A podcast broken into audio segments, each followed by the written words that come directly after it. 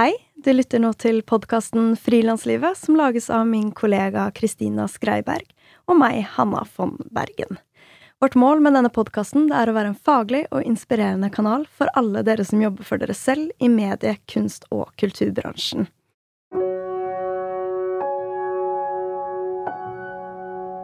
Ukens annonsør er regnskapsprogrammet Fiken. For snart fire år siden så tok Kristina og jeg en kaffe, og det var fordi Kristina spurte om jeg kunne vise henne hvordan jeg bruker fiken. Og jeg ville vise henne hvor lett det er å føre regnskapet selv. Og den kaffen, det var faktisk det som var startskuddet til denne podkasten. Da brakte jeg nemlig ideen opp, og Kristina kicka på den her, og dermed ble frilanslivet født. Fiken er et regnskapsprogram vi begge bruker, som vi helhjertet anbefaler til andre frilansere. For akkurat som oss heier de på at små aktører skal lykkes. Vil du prøve fiken gratis i 30 dager? Gå inn på fiken.no.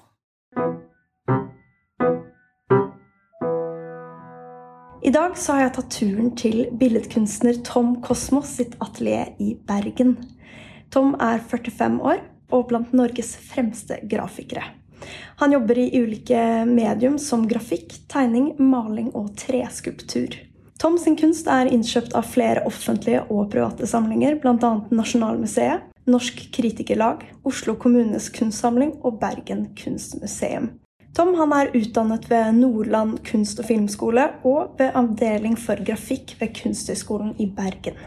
Jeg gleder meg masse til å prate med Tom om hans arbeidsmetoder, hans forhold til håndverk og DIY-kultur, og hans mørke, surrealistiske kunstunivers. Hei, Tom. Hei. Hyggelig å være på besøk hos deg. Veldig hyggelig at du kom. Og nå sitter vi jo som sagt i ditt atelier her i Bergen, og vi sitter i et ganske sånn stort rom som nesten minner mer om et verksted enn et atelier. Eh, for rundt oss er det fullt av ulike treplater og masse verktøy. Eh, maling, store maskiner, tegnebord og masse gøy utstyr. Kan du fortelle litt om eh, rutinene du har for å koble deg på arbeidsdagen og på en måte komme inn i flyt? Det er vel ikke akkurat en fiksert ting, men det, det, det, jeg, jeg, føler jo at det egentlig holder å være her. Jeg kommer på en måte i den tilstanden bare ved å være her. Eh, jeg er jo litt sånn opptatt av å være eh, uniformert, på en måte. Jeg må, må liksom ha arbeidsantrekket på meg. Eh, nå, jeg, måte, nå, er jeg sivil, da, så det er liksom litt fremmed å være, være her i sivil. Eh, men det er også en sånn bryter som med en gang jeg tar på meg det, dette skitne, stinkige tøyet, så da, vet, da, jeg, da kobler jeg meg på jeg er jo sånn atelierrotte, så jeg, jeg, er veldig mye på atelier. Og når jeg ikke er på atelier, så er jeg ikke kreativ. Eller sånn, Ikke det at jeg ikke er kreativ, men, men jeg Men jeg um, Jeg kan få ideer og sånt, uh, men jeg, jeg, jeg, gjør ikke ting. Uh, jeg må være her, og, og, og hvis jeg går rundt her i sivil, så får jeg det ikke til. Altså, det er bare det er kjemperart. Jeg må liksom um, Må ha den uniformen, og så må jeg Og så er her, og så gjør Og da, her er det masse aktivitet hele tida, og jeg er her jo veldig mye. Men når jeg ikke er her, så er det Da er jeg ikke på jobb. Når er det du har det som best eh, her? Når jeg ikke har eh, noe prekært i nær fremtid, og kan på en måte sjonglere forskjellige ting, eh, gjøre ting som jeg har lyst til, utvikle ideer, kanskje være litt på et mer sånn søkende sted. da. Um, men det er jo Ja, det er jo Definere hva som er det er å ha det bra. Det er, altså jeg har en sånn prosess med utstillinger sånn som har utviklet seg de siste årene, der jeg jobber veldig kreativt i gallerirommet. Jeg kommer til et, et gallerirom, et sted et spesifikt lokale, og så har jeg med meg verk som er ferdig, men så um, jeg en del sånne store veggmaleri i galleriet. Som enten på en måte står for seg sjøl, eller som jeg monterer andre verk oppå. Da. Så det har liksom utvikla seg som en sånn e-, egen kunstnerisk praksis. da. Der jeg kommer dit og på en måte bor inne i gallerirommet og har en veldig sånn intens, kreativt som burst, uh, der, jeg, der, du er på et sted der um, det er ganske høy risiko. Jeg står på en måte og lager utstilling, Jeg kommer dit uten skisse, uten noe egentlig formening om hva jeg skal gjøre. Hvordan det blir. Og disse veggmaleriene de, de preger jo ofte utstillingen veldig.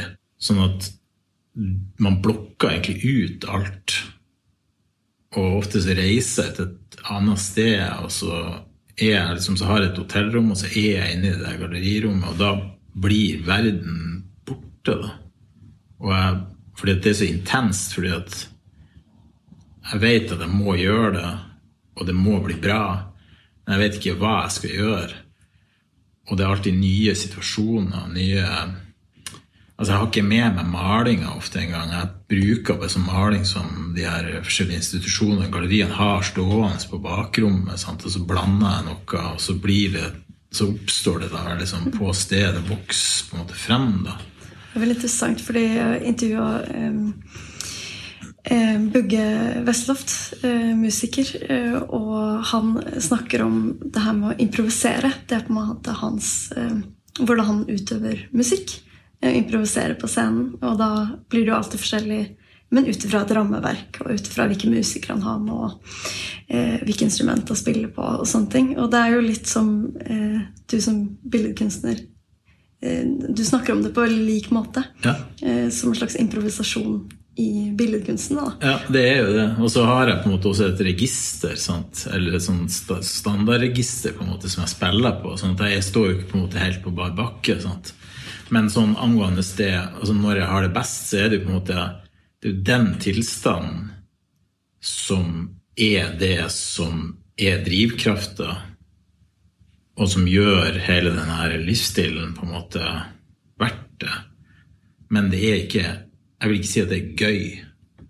Det, det er veldig intent, det er veldig det er stressende. Det er veldig, det er veldig sånn ja, det veldig intens. Det koster noe. Det ikke så gøy i dagene i forveien heller. Men det er liksom en sånn tilstand som man blir avhengig av, og som jeg må ha, og som er en del av identiteten min, og som, og som er veldig sånn forløsende når du, når du er der. Og når man har drevet så lenge eller, Høres ut som jeg er liksom eldgammel, men når man har drevet en stund med en kreativ praksis, jeg har jo på en måte vært på atelier daglig i liksom 15-20 år. Så, det, så, har man jo blitt litt sånn uh, resistent. Altså man må ha et uh, man må ha uh, et større kick på en måte for å få den ja, for å få, for, altså for å få til, den tilfredsstillelsen. Og det, da må man på en måte øke risikoen. Og Det er liksom litt det den strategien kanskje handler om. Da. Det var liksom prøve å øke risikoen hele tida. Og du hadde jo nettopp en utstillingsåpning i eh, Kåk kunsthall i Ålesund med en separatutstilling med tittel 'The Wanderer'. Og når du jobber mot en utstilling, eh, er det eh, på en måte det du nevner nå, er det den prosessen som du syns er mest givende, eller er det andre deler også som, der du får liksom mest kick? Ja, det er eh,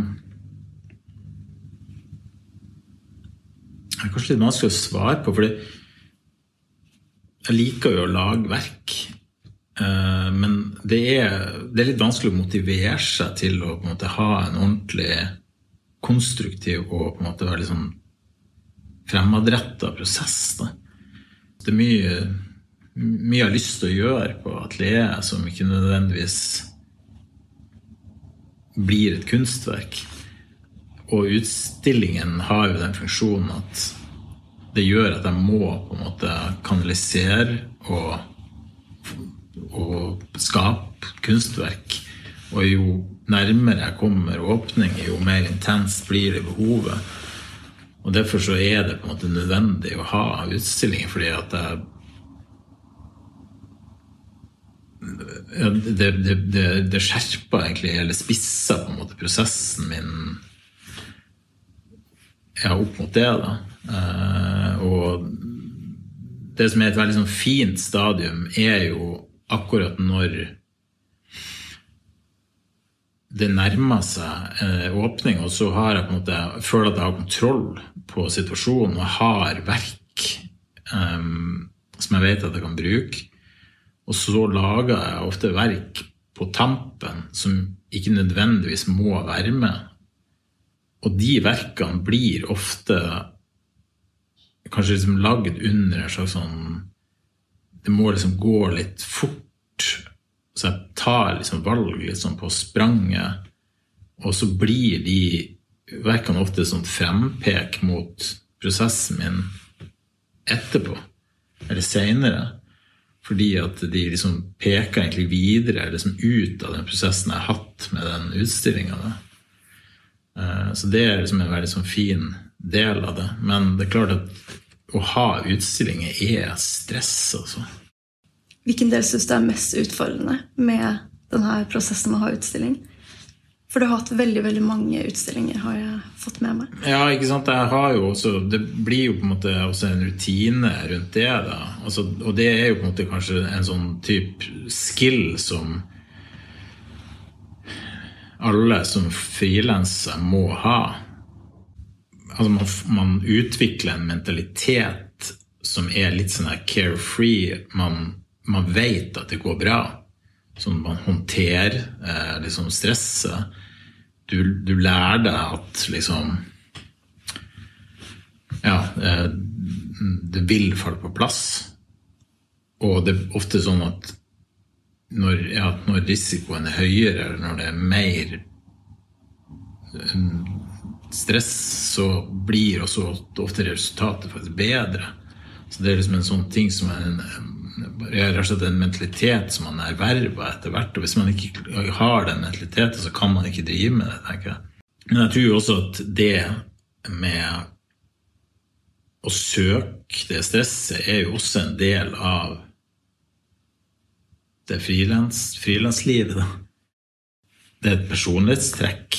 Eh, man, man uh, rangerer kanskje utvikling og altså det å liksom ekspandere over trygghet og, og liksom behag. Sånn at jeg tror alle har et slags sånn der Eller alle som, som, som driver for seg sjøl, har på en måte en slags relasjon til en sånn det der ubehaget eller det der å utsette seg for noe som er vanskelig og så må du på en måte gå på en måte ut over deg sjøl for å klare å mestre noe som er større enn det du trodde du kunne. kunne. Mm. Og det er jo veldig i kunstens natur at man sitter jo Først er det i en boble og man på en måte sitter med det selv, eller du og noen andre som lager sammen. Eller, eh, og så jobber man der og er der og tenker og knar og lager. Mm. Og så skal jo det her på et eller annet tidspunkt eh, skape verdi for andre. Mm. Og det er jo i det liksom krysningsfeltet hvor det skal liksom komme ut og vises og møte publikum, eh, som både er liksom ja, det er veldig verdiskapende, eh, men også det uh, ukomfortable. da. Ja. Eh, og veldig mye av det som risikoen også ligger. Ja. Mm. Og så, det er veldig sårbar, sårbar situasjon.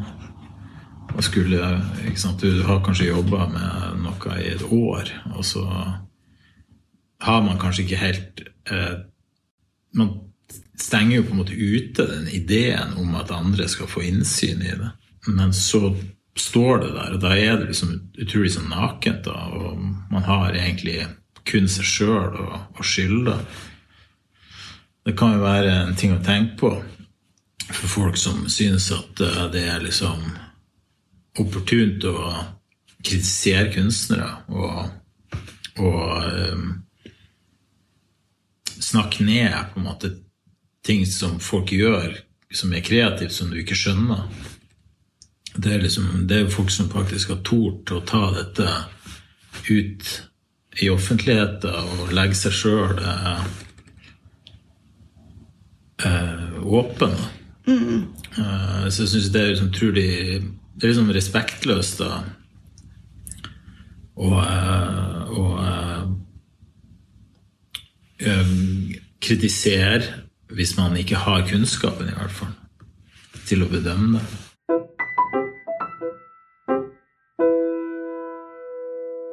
Og denne utstillingen du nå har hatt, omhandler på mange måter forholdet mellom mennesket og naturen. Eh, noe som jeg har forstått er en slags rød tråd i ditt kunstnerskap.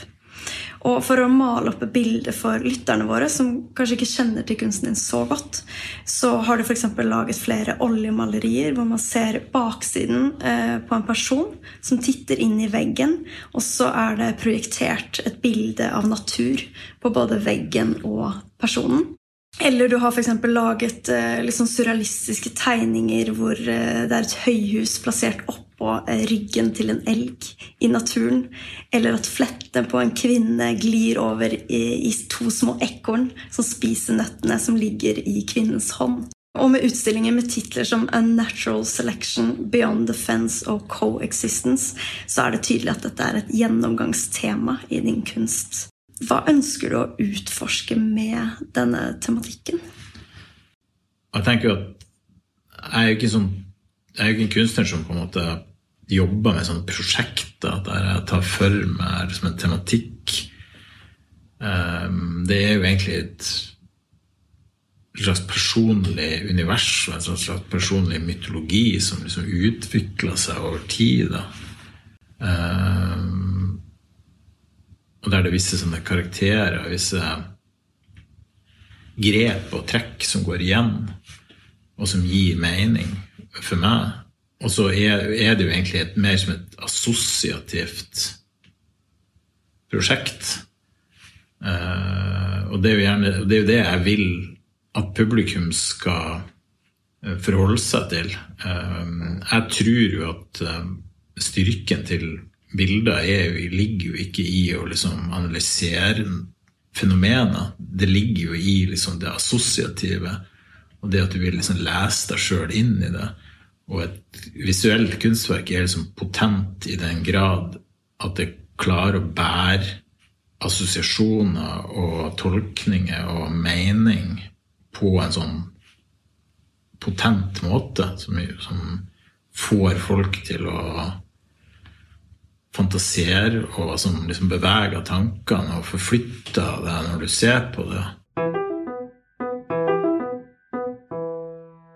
Du henter alltid bilder fra naturen som du bruker i, i din kunst. og Det kan være fra internett eller fotografier eller eh, andre steder, men aldri fra naturen i seg selv. Altså Du er ikke selv ute i skogen og tar et bilde eller på en måte tegner av noe i naturen. Mm. Eh, og jeg har forstått at dette er eh, liksom en bevisst handling fra din side. Og på hvilken måte bidrar den metoden til det du skaper, eller ønsker å formidle? På den ene side så har det jo litt med det vi har snakka om å gjøre, at uh, egentlig er jo prosjektet mitt verden sett fra dette stedet, liksom mitt atelier. Og dermed så blir det også naturlig å, å, gjøre det på den måten. At jeg jobber sånn indirekte med, med, med verden. Eh, men det er også et sånt element i det jeg gjør, som går på at um, Altså på det, det jeg syns er liksom morsomt og liksom absurd som paradoks i denne koblinga mellom natur og kunst, som jo på en måte er veldig sånn norsk også. Men, men den, er, den, er, jo universell. At kunst har en slags relasjon til natur eh, som jeg mener er liksom veldig underlig, fordi kunst er jo egentlig eh, et bilde på noe som er veldig statisk. Eller kunst er jo veldig statisk. Det er jo egentlig helt døde objekter som, snakker til deg, på en måte. Mens natur er jo um, i utvikling, ekspansivt, i bevegelse, levende, på en måte retningsløst. Um, og um, jeg syns det er et sånn interessant sånn, sånn paradoks at um, kunsten på en måte er kulturens frontløpere skal på en måte formidle noe som er naturlig. Det er jo egentlig noe dypt sånn unaturlig med kunst. Um, og noe veldig kunstig. Og, det, det, og, jeg prøver på en måte å kjøre opp de kontrastene i den måten jeg jobber på. Derfor så forholder jeg meg aldri Jeg prøver alltid å liksom avbilde natur som et kulturfenomen. Som et bilde. Som noe som allerede er avbilda. Så det blir som en slags sånn avbildning av en avbildning. Mm, og her er et eksempel er jo noen oljemalerier du har gjort, hvor personen står og ser på naturen men så ser du at skyggen fra personen er på naturen, så du forstår ganske fort at eh, det ikke er naturen. Det er på en måte et bilde personen står og ser på. Mm. Et bilde i et bilde. Ja. Så det er jo en, en, en måte å liksom ta et steg unna, da. Og det, men, og, men det, det, og det henspeiler jo også på den her dobbeltheten i den tida vi lever i, der uh, alle er opptatt av å liksom redde naturen, hva nå det vil si. Eh, men det er ingen som faktisk forholder seg til natur på en pragmatisk måte. Altså det er jo eh, Det er jo ingen som kan uh, sette poteter lenger. Så man, ingen, man, kan ikke fange en fisk. Man har ingen reell uh, um, forbindelse med naturen. Man har jo egentlig mista hele den mm, pragmatiske og uh, og eh, spirituelle relasjon til, til natur. Man, man, man, opplever jo egentlig hovedsakelig natur gjennom media, gjennom sosiale medier og gjennom sant, kunst. Så det er på en måte jeg peker litt på de paradoksene der. da.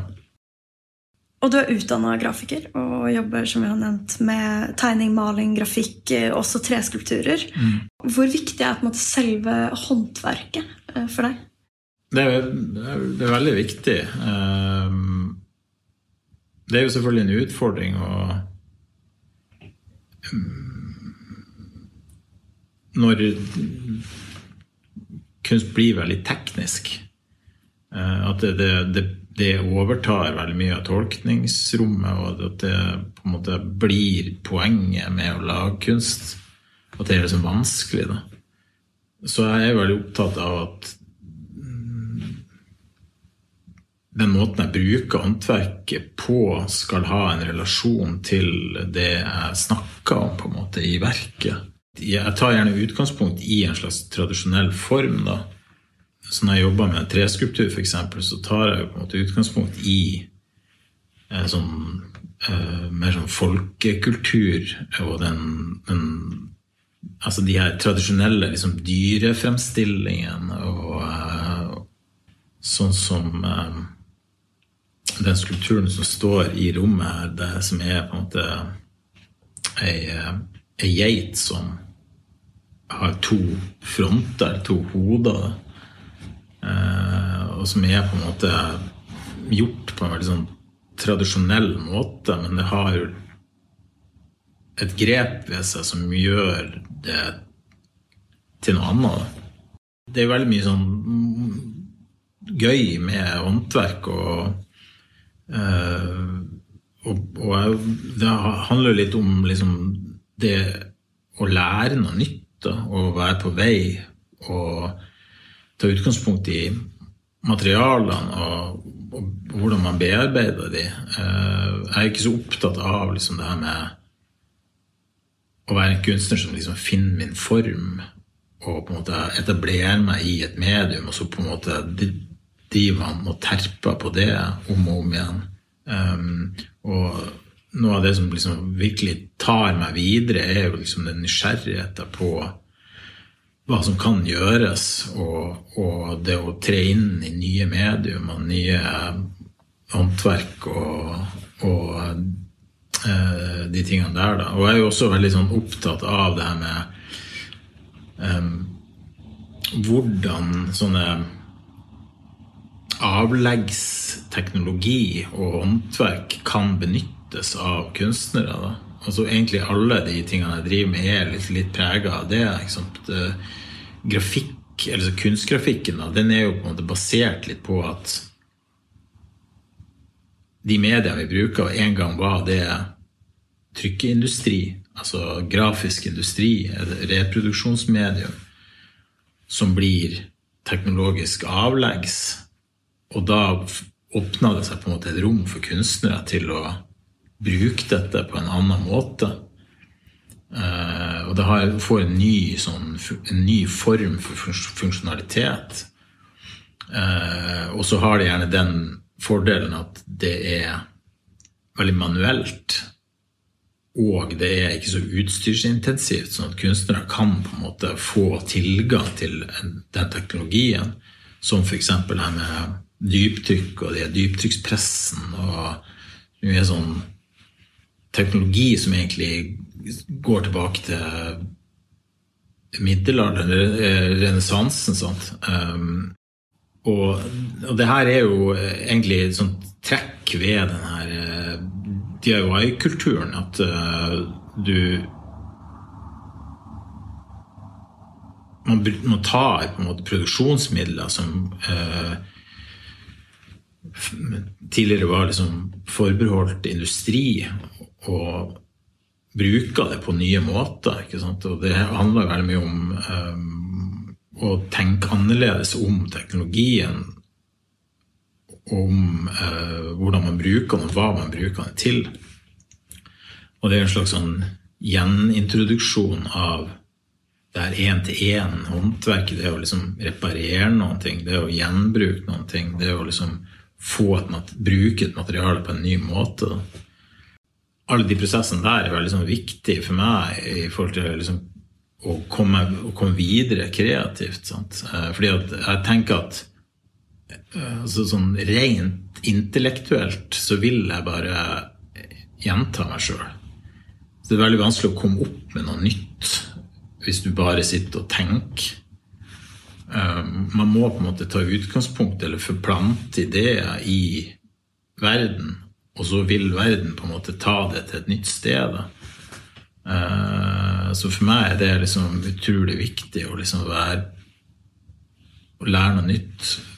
Gå inn i forskjellige håndverk, bruke de på nye måter og kombinere det med, med på, på, nytt igjen med nye, i nye eh, konstellasjoner. Mm. Og det gjør du jo i din kunst, at du f.eks.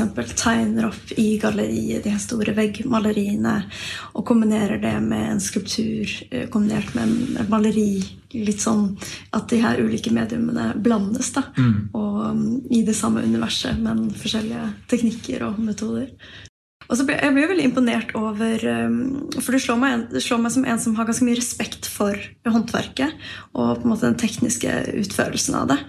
Uh, og du har jo studert grafikk og på en måte har din formelle utdannelse i det også. Mm. Uh, samtidig som du um, tør å være nybegynner i noe helt annet. Om det er oljemaleri eller treskulptur Eh, og at du går ganske sånn nerdete til verks. Her har jeg hatt en liten eh, visning rundt i atelieret hvor du lager dine egne verktøy eh, for å få til det du vil gjøre. så du beveger deg liksom inn i nytt territorium med en ganske sånn respekt for håndverket, da, selv om mm. du er nybegynner. Ja. Mm. er nybegynner. Hvor kommer den delen fra deg fra? Ja, altså det, det, handler vel litt om altså Jeg tenker jo at hvis man er veldig sånn, en veldig intellektuelt orientert, kreativ person, som, så vil jo liksom prosessene med å på en måte fremstille kan du si, verket, da eh, være en slags noe som er i veien, eller som du bare må gjennom, eller som på en måte er en slags en begrensning, kanskje, eller eh, Men for meg så er det uh, mediet er liksom veien. Og jeg føler at det materialene gjør, og, den, og det, de prosessene og de, den metodiske på en måte, fremgangsmåten, den fører ideen min til et mye mer interessant sted enn det jeg i utgangspunktet var min intensjon. da. Uh, så det er liksom en sånn oppda oppdagelsesferd gjennom materialet og gjennom på en måte håndverk og prosessen? Ja. Og så er jeg jo bare naturlig nysgjerrig, og jeg er alltid ute etter det der liksom rushet av at du lærer noe nytt og på en måte kommer videre. Uh, og så føler jeg at det liksom altså Jeg føler en sånn enormt tilfredsstillelse da, ved at jeg kan ta noe som noen Eller som blir oppfatta som avleggs, eller som er som er funnet i en container, eller noe som er kasta til side, eller noe som et slags medium som kanskje ikke blir regna som liksom, Som ikke er, som liksom ikke er, oppfattes som samtidskunst, og gjør noe med det. Det er, veldig, det er et sånt kick der som jeg er veldig sånn avhengig av. det. Og så er det jo også det at de, disse Altså en mer sånn håndverksmessig fremgangsmåte altså Det handler jo liksom om, egentlig om at jeg, jeg setter meg sjøl i stand til å gjøre ting som, som, som kanskje er liksom uh, utilgjengelig for mange i utgangspunktet. Så det har jo på en måte liksom en, en kreativ side, men det har jo også en liksom pragmatisk side der jeg, jeg produserer jo egentlig alt fra bunnen av. Uh, til f.eks. en utstilling der jeg, jeg, jeg lager uh, jeg, kan, jeg, kan, liksom trykke uh, grafiske verk her. Jeg kan lage treskulpturer, tegninger, malerier. Jeg, jeg rammer de inn, lager rammen, lager transportkasse. Alt er liksom tilgjengelig. Sånn at jeg føler at jeg, jeg, har på en måte hele altså jeg er en slags sånn enmannsfabrikk. Og det, synes jeg liksom, det, det, gir meg en del muligheter som, som kanskje er utilgjengelige for mange. Mm, for jeg har lest at du Når du ser for deg hva du skal gjøre, så er det alltid innenfor rammen av hva som er mulig å gjøre. eh, for deg. Og også det her at du er veldig opptatt av eh, si, en slags sånn uavhengighet. Mm. Eh, hvorfor er det så viktig for deg? Ja, det, det ligger vel i frilansmentalitet. Altså det er uavhengighet det på en måte handler om. Eh, jeg tror at det er et sånt personlighetstrekk som jeg har, og som er ganske ekstremt. For jeg har jo på en måte skapt en, en situasjon for meg sjøl der jeg er liksom uavhengig i den grad at jeg på mange måter er en eh, sånn her eh, Hva kaller man det? Sånn eremitt. og som ikke er egentlig en positiv egenskap å ha som kunstner, fordi at nettverk er liksom viktig. Så når man gjør seg uavhengig av andre, så er, så er, det jo også en slags form for utestengelse i det, eller en slags frivillig sånn her eh, klostertilværelse. Men det er noe som jeg har alltid hatt behov for, og som er liksom viktig å, å være sjølforsynt og være uavhengig. Og jeg kan ikke forestille meg å leve på en annen måte. Altså, man er jo selvfølgelig aldri uavhengig. Det er jo mange arenaer der man samarbeider, og det er jo veldig givende. Og uh, man må jo samarbeide. Må, og jeg gjør jo det her på en måte til syvende og sist kanskje for noen, for å vise til noen. Men den autonomien og den sjølråderetten, det er jo det som er motivasjonen med, med, å være kunstner og være frilanser. En slags form for evne til å måte finne opp sin egen verden. Og det er vel det som er på en måte drivkrafta.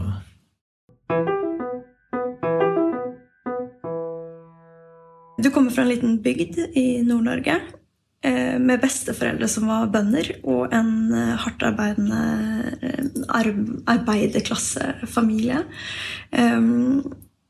Altså, hvordan ble kunst og kultur bemøtt på hjemmebane når du var ung? Ja, det var vel en viss åpenhet for det, men, eh, men eh, det ble jo ikke sett på som en, en, en troverdig levevei, da. Eh, og jeg tror at det har hatt mye altså stor betydning for meg som kunstner, fordi at jeg hadde det i meg. Men det var på en måte noe som var mitt, og som var på en måte skjult. Og noe som jeg drev med i mitt liksom lukka univers. da. Og jeg følte vel gjennom hele barndommen at det var noe som jeg var alene om. Å ha liksom et sånt eh, fantasiunivers som jeg forholdte meg til. og det har jeg på en måte med meg. I, i den, og det handler jo også om det her med liksom autonomi, kanskje, og, uh, og at og atelieret som mitt sånt univers. da, sant? Altså den her ideen om at kreativ, det kreative er noe som på en måte er skjult, da, og som er knytta til en form for sånn isolasjon, eller um, Men at det også har i seg en veldig sånn her um, trygghet og en Og at det det er, rommer egentlig min identitet. Mm, det er ditt rom, liksom. Ja. ditt indre rom som mm. på en måte får komme utenfor deg selv. Ja. Og at det til en viss grad på en måte er en fare å liksom åpne det her opp for mye. Eh, så det er jo absolutt eh, liksom den psykoanalytiske liksom, forklaringen på det. Um, på den jeg er i dag. Da. Men samtidig så har jeg jo på en måte utvikla meg og um, liksom tatt med meg mye mer av det der Den der håndverker-arbeiderklassebakgrunnen. Altså fordi at uh, Faren min var jo som anleggsarbeider eller som jobba i som byggebransjen. og sånn, Han var liksom et sånt uh, håndverksmessig geni, vil jeg si. Han var jo også en sånn fyr som kunne på en måte alt. Kunne gjøre hva som helst. Uh, og det gjelder vel egentlig litt for hele liksom, slekta mi, føler jeg. At liksom, det er vel sånn nevenyttige folk, og, liksom, kanskje også litt sånn her opportunister på en måte, som uh, kunne liksom, reparere ting og kunne ting, og var veldig sånn Altså, jeg var jo en av de første som hadde en akademisk utdannelse i familien. Da. Uh, selvfølgelig, Det var liksom sånn type ting som endra seg med min generasjon. Da. Men uh, Er det noe foreldrene dine har vært på en måte ikke helt forstått, eller er det noe de har vært stolt av? Eller hvordan, hvordan har reaksjonen vært, siden det er ganske sånn langt unna eh, kanskje det å liksom bo i byen og være kunstner? til på en måte den bakgrunnen? Ja, altså jeg oppfatta det jo som at eh, det var en slags form for antiintellektuell eh, liksom, atmosfære da, eh, i, ikke, altså i, i, familien. Og jeg kom jo på en måte liksom på kant med faren min, for han hadde jo liksom en del av de Han var jo veldig sånn, opptatt av at sånn nytteverdi, at ting skulle øh, øh, ha mål og mening, ikke sant? og at man skulle ta ansvar for seg sjøl. Og, eh, og, også, og også den her, kanskje den her eh, rurale på en måte, forakten for det urbane og for den, de urbane liksom, beslutningstakerne som sitter på sånne her, uh, utdannelser som, som, aldri har vært ute i arbeid, og liksom det spektrumet av holdninger. Um, sånn at det var liksom Og det å bli kunstner var jo på en måte liksom en slags Hadde jo i seg et sånn, veldig sånn opprør mot alt det her, da. Eh, men samtidig så eh, ser jeg jo i ettertid at liksom mye av det faren min kunne, det er liksom kunnskaper som eh, jeg trenger, og som jeg kan bruke. Og det er ting som jeg har med meg. Eh, og jeg tror jo også at han hadde i seg en kreativ en slags kreativ evne og behov som han ikke fikk utløp for. da. Også tenker jeg den her liksom, arbeidsmoralen. Å forholde seg til Ta på seg uniformen og liksom gå i arbeidet. Ja. ja, det er veldig sånn. Det er ikke noe sånn uh, Absolutt ikke Altså, det er kanskje eksentrisk på sitt vis å være sånn i kunstnerrollen. Men jeg jo absolutt ikke en sånn type eksentrisk eh, kunstner. Jeg er jo en sånn Jeg er jo på en måte en arbeidshest. Eller nei, det, det, et arbeidsjern, som man kaller det. eh, i, uh, I kunstnerrollen, da, på et vis. Det er liksom det som er min uh, styrke, da, tenker jeg. Altså at jeg har den den driven til liksom alltid ta det videre og alltid um, um, har kapasitet. Da. Jeg ser at eh, du i fjor mottok et treårig stipend Ja. fra Billedkunstnernes vederlagsfond. Og at du også tidligere år har mottatt på en måte ulike stipender og tilskudd. Og jeg ser at du er medlem av eh, Landsforeningen norske malere og Bildende kunstnernes forening Hordaland og Norske grafikere og Norske billedkunstnere. Stemmer det? Ja. Hvorfor syns du det på en måte er viktig å være fagorganisert? Jeg har forstått det som at du er med i styret eh, til Norske grafikere. eh, og er liksom fagpolitisk interessert. Og er jo medlem av de her fire ulike organisasjonene. Eh, og har vært ganske god på å søke stipend og, Ja. og den biten. Hvordan henger de to eh, delene sammen? På den ene sida så, så handler det jo litt om å liksom komme ut av hula. da. Det er jo del, det er jo noe med å liksom delta i et uh, større felt. Uh, og liksom bidra tilbake til feltet. Jeg syns det er veldig viktig. Uh, de her organisasjonene gir en del sånne muligheter. Mm. Men, men det som kanskje altså Hvis man skal se litt sånn strategisk på det for liksom en up and coming kunstner, da, eh, så er det jo en mulighet til å få innblikk i prosesser eh, knytta til ja, fordeling av midler og eh, ja, hvem som trekker i trådene, rett og slett, og være en del av eh, beslutningstagninga og kunne være med og forme uh, litt den liksom strukturelle og politiske overbygninga for det faget. Uh, veldig liksom bra tips uh, som jeg var altfor sent ute med å, gjøre, det er jo på en måte å skaffe seg erfaring fra juryer. Fordi at det, det er den klart mest effektive læringa i forhold til hvordan du skal få gjennomslag for søknadene dine. Det er jo å sitte i den andre enden. Eh, sånn at eh, veldig mye læring der, da.